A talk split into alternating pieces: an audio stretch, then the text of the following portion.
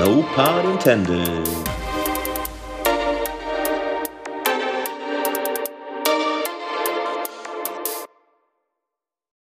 Vi i No Pod Intended-redaksjonen har i mange år vært interessert i å faktisk kaste litt lys på hvordan trading kan påvirke ligaen. Vi har igjen tatt kontakt med Tore på Fantasysporet og lagt inn et ønske om å få gransket sesongens trade og hvordan de har påvirket ligaen.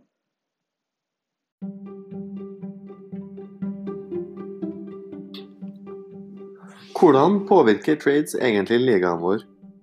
Og hvordan oppfatter vi som deltakere i NPI at trades påvirker oss? Åpenbart føler vi at trades vi sjøl gjør, har et utfall, enten negativt eller positivt, på vårt lag og på tradets motpartslag. Men kan det ha seg slik at trades du ikke er en del av i det hele tatt, også påvirker ditt lag? Redaksjonen har tatt på seg den iherdige oppgaven å kartlegge alle trades som ble gjennomført i løpet av denne sesongen. Vi ville også prøve å simulere diverse eventualiteter som ville utspilt seg dersom trades ikke har blitt gjennomført, for å se hvordan trades faktisk påvirker ligaen vår i 2019. Er trading positivt? Kan begge parter tjene på tradet? Og ikke minst, kan resten av ligaen lide av trades de ikke er en del av?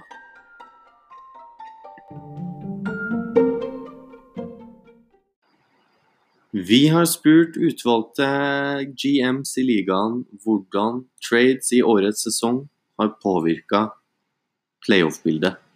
Jeg tror i hvert fall at uh, veldig mange hadde forventa seg at uh, da Jim uh, trade-rapa Vegard før sesongen starta, at det kunne fort uh, sikre han en playoff-spot.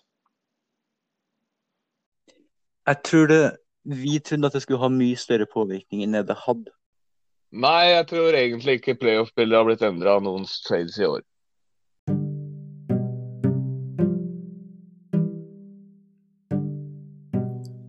Redaksjonen innså fort at bare det å kartlegge trades var en tidkrevende prosess.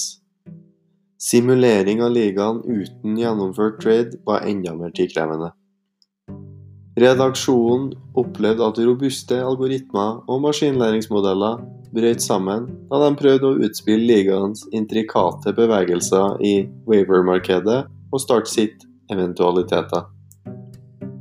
Vi har ikke akkurat gjort matten, men vi anslår at komputasjonskraften som kreves for å simulere en liga uten trades, ville ha vært på par med en rimelig OK pluss gaming-PC. Derfor begrensa vi oss til noen utvalgte trades vi tror har høyest sannsynlighet for å ha hatt en impact på ligaen. Vi skal se nærmere på eventualitetene av dem her. Tror du det finnes noen trades som er direkte årsak til at playoff-bildet har endra seg? Både ja og nei. Altså, man skulle jo tro at dere tradet du og Furu foretok dere ville ha påvirkning, men på en eller annen måte så har jo begge to klart å komme seg til playoffs. da. Men samtidig så kan jo det bety at dere har slått ut noen pga. det tradet der. Det er jo spennende å se på.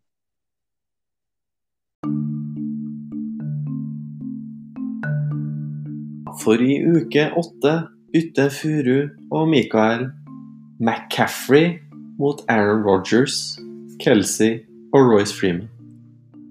Kan det ha seg slik at noen ble slått ut av playoffs pga. at Michael og Furu gjorde dette tradet?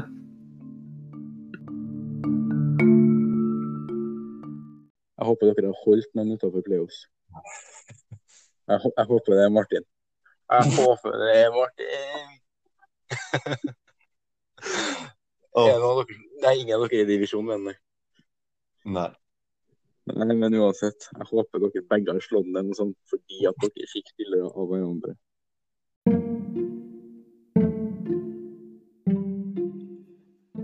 Kan det være mulig at dette tradet har holdt Martin Almvik utafor playoffs? Redaksjonen spurte Furu hva han syns om tradet, og om det har påvirka han i denne sesongen.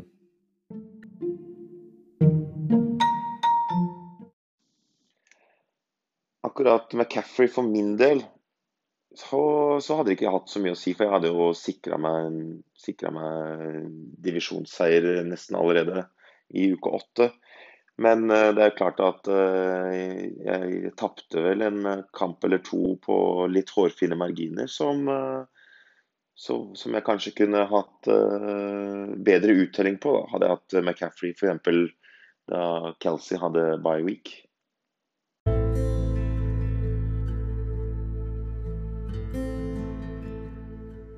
Det her var et kontroversielt trade, og redaksjonen bestemmer seg for å gjøre en simulering av resultatene. Etter å ha gjennomført simuleringer og cruncha tallene, ser vi at tradet ikke endra så mye for Furu. Han ville potensielt ha vunnet en eh, kamp i uke 12 mot Torgeir, men utenom det ville resultatene ha vært like. Undertegnede ville ha tapt i uke 9 mot nettopp Martin Anvik. Han ville også ha tapt i uke 12 mot Markus. Dette ville ha ført til at Lasse, Åsmund, Markus og Furu ville ha vært division winners. Undertegnede ville da ha fått en record på 5-8 og kunne ha sett langt etter playoffs. Vi ville da hatt tre GMs med en record på 7-6 som slåss om to wildcard-spots. De her ville ha vært Torgeir, Sondre og Martin.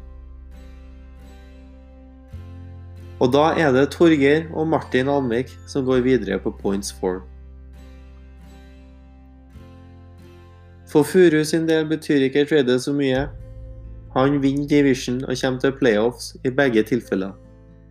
For Mikael sin del er dette tradet helt essensielt for han skal komme seg til playoff. Han slår derfor Martin ut av playoffs med dette tradet. Hvilket betyr at vi har svart på spørsmålet om det går an at noen lider av andres gjennomførte trades. Martin Anvik kom seg ikke til playoffs i år. Det er tilsynelatende fordi Furu og Mikael gjennomførte et trade Anvik ikke hadde noe med å gjøre. Et veldig kontroversielt trade var da Vegard og Jim bytta henholdsvis Seek og Godwin for Ingram, Westbrook og Cooks. Vi ønsker å ta en nærmere titt på dette tradet. Umiddelbart har det tilsynelatende ikke hatt noe stor effekt på playoff, og ikke engang de involverte partene føler at det har påvirka resultatene.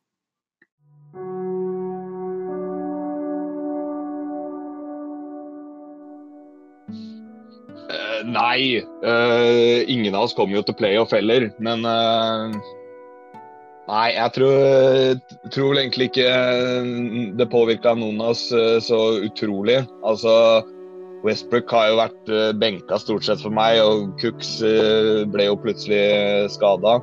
Men uh, Ingram har jo vært kanskje en av mine beste. Men uh, nei, jeg tror ikke det hadde så mye å si som for uh, hvor vi endte der.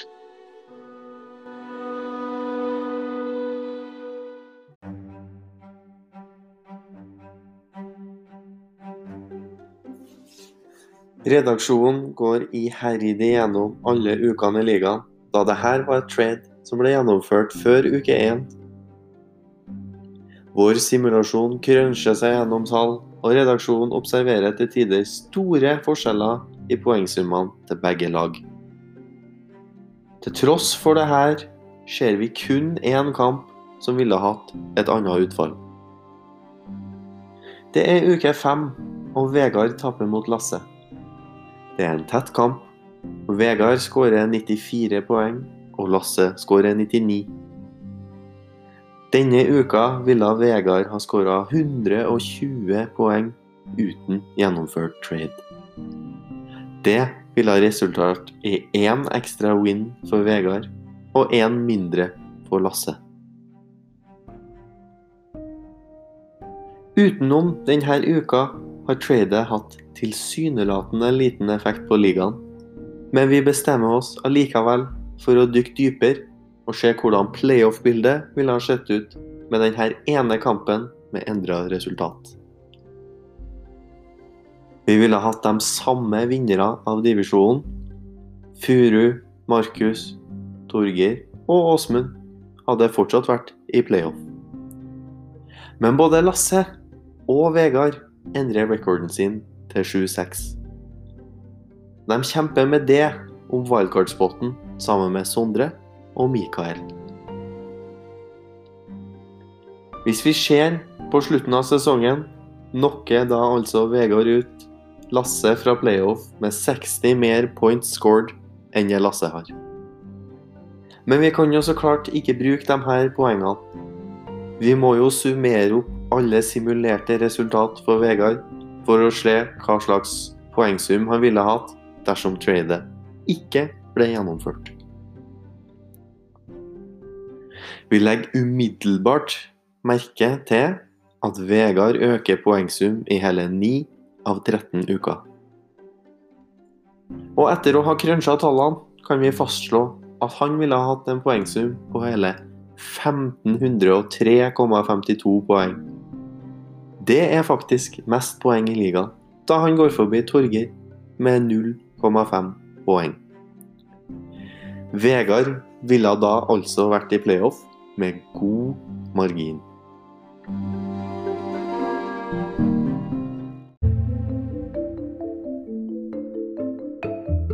Hva, hva sier du hvis, hvis jeg sier at du hadde vært i playoff dersom det tradet ikke ble gjennomført?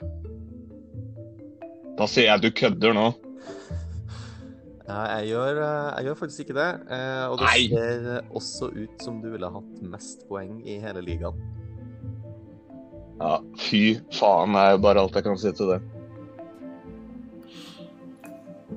Redaksjonen er like overraska over det her som dere. Men vi har reflektert over at Jim hadde veldig mye poeng denne sesongen, sjøl om det har gått dårlig med han. Nå vet vi hvor alle her poengene kom fra.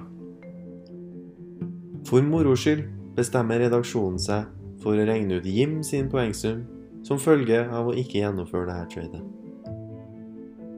Han ender på 1370,22 poeng.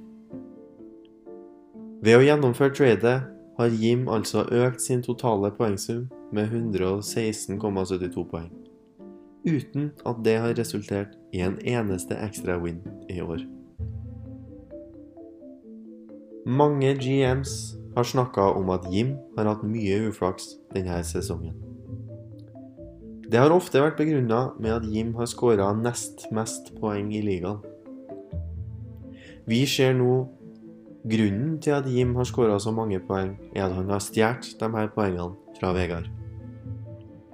Han har med det, i uke 1, bytta til seg 116 fantasypoeng, men han har bytta fra seg 169 flakspoeng. Og som vi alle vet, teller flaks mer enn resultater i fantasy.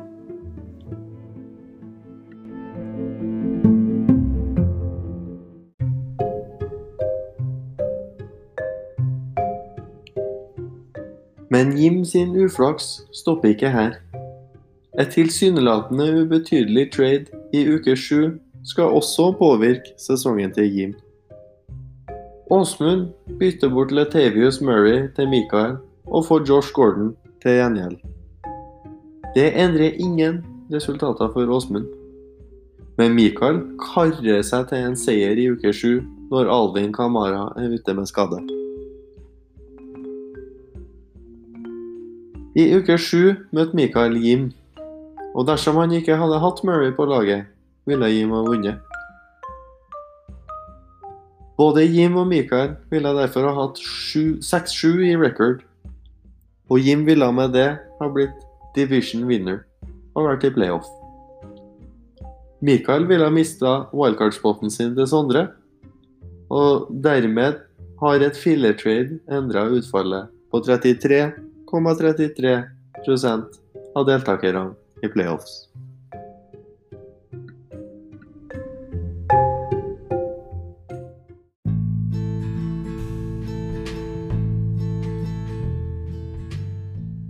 Ut ifra de fakta vi har sett på i denne episoden, her, virker det som om at det å utføre trades både har negative og positive utfall for spillerne som gjennomfører dem. Det som er kanskje mest overraskende, er hvor mye trading påvirker resten av ligaen. Det kan derfor tenkes at det lønner seg å gjennomføre trades for GMs. Siden MPI-redaksjonen alltid følger den hypotetisk deduktive metode til punkt og prikke, har vi naturligvis en kontrollgruppe i rapporten vår. Den oppstår av naturlige grunner og består av GM-ene Onetime, Sondre, Marius og Padlock. Den observante lytter og erfarne MPI-statistiker noterer seg at dette er de GM-sa som ikke har utført et eneste trade i årets sesong. Det taler ikke de konservative sak at tre av fire GMs som ikke utfører noen trades, havner utafor playoffs.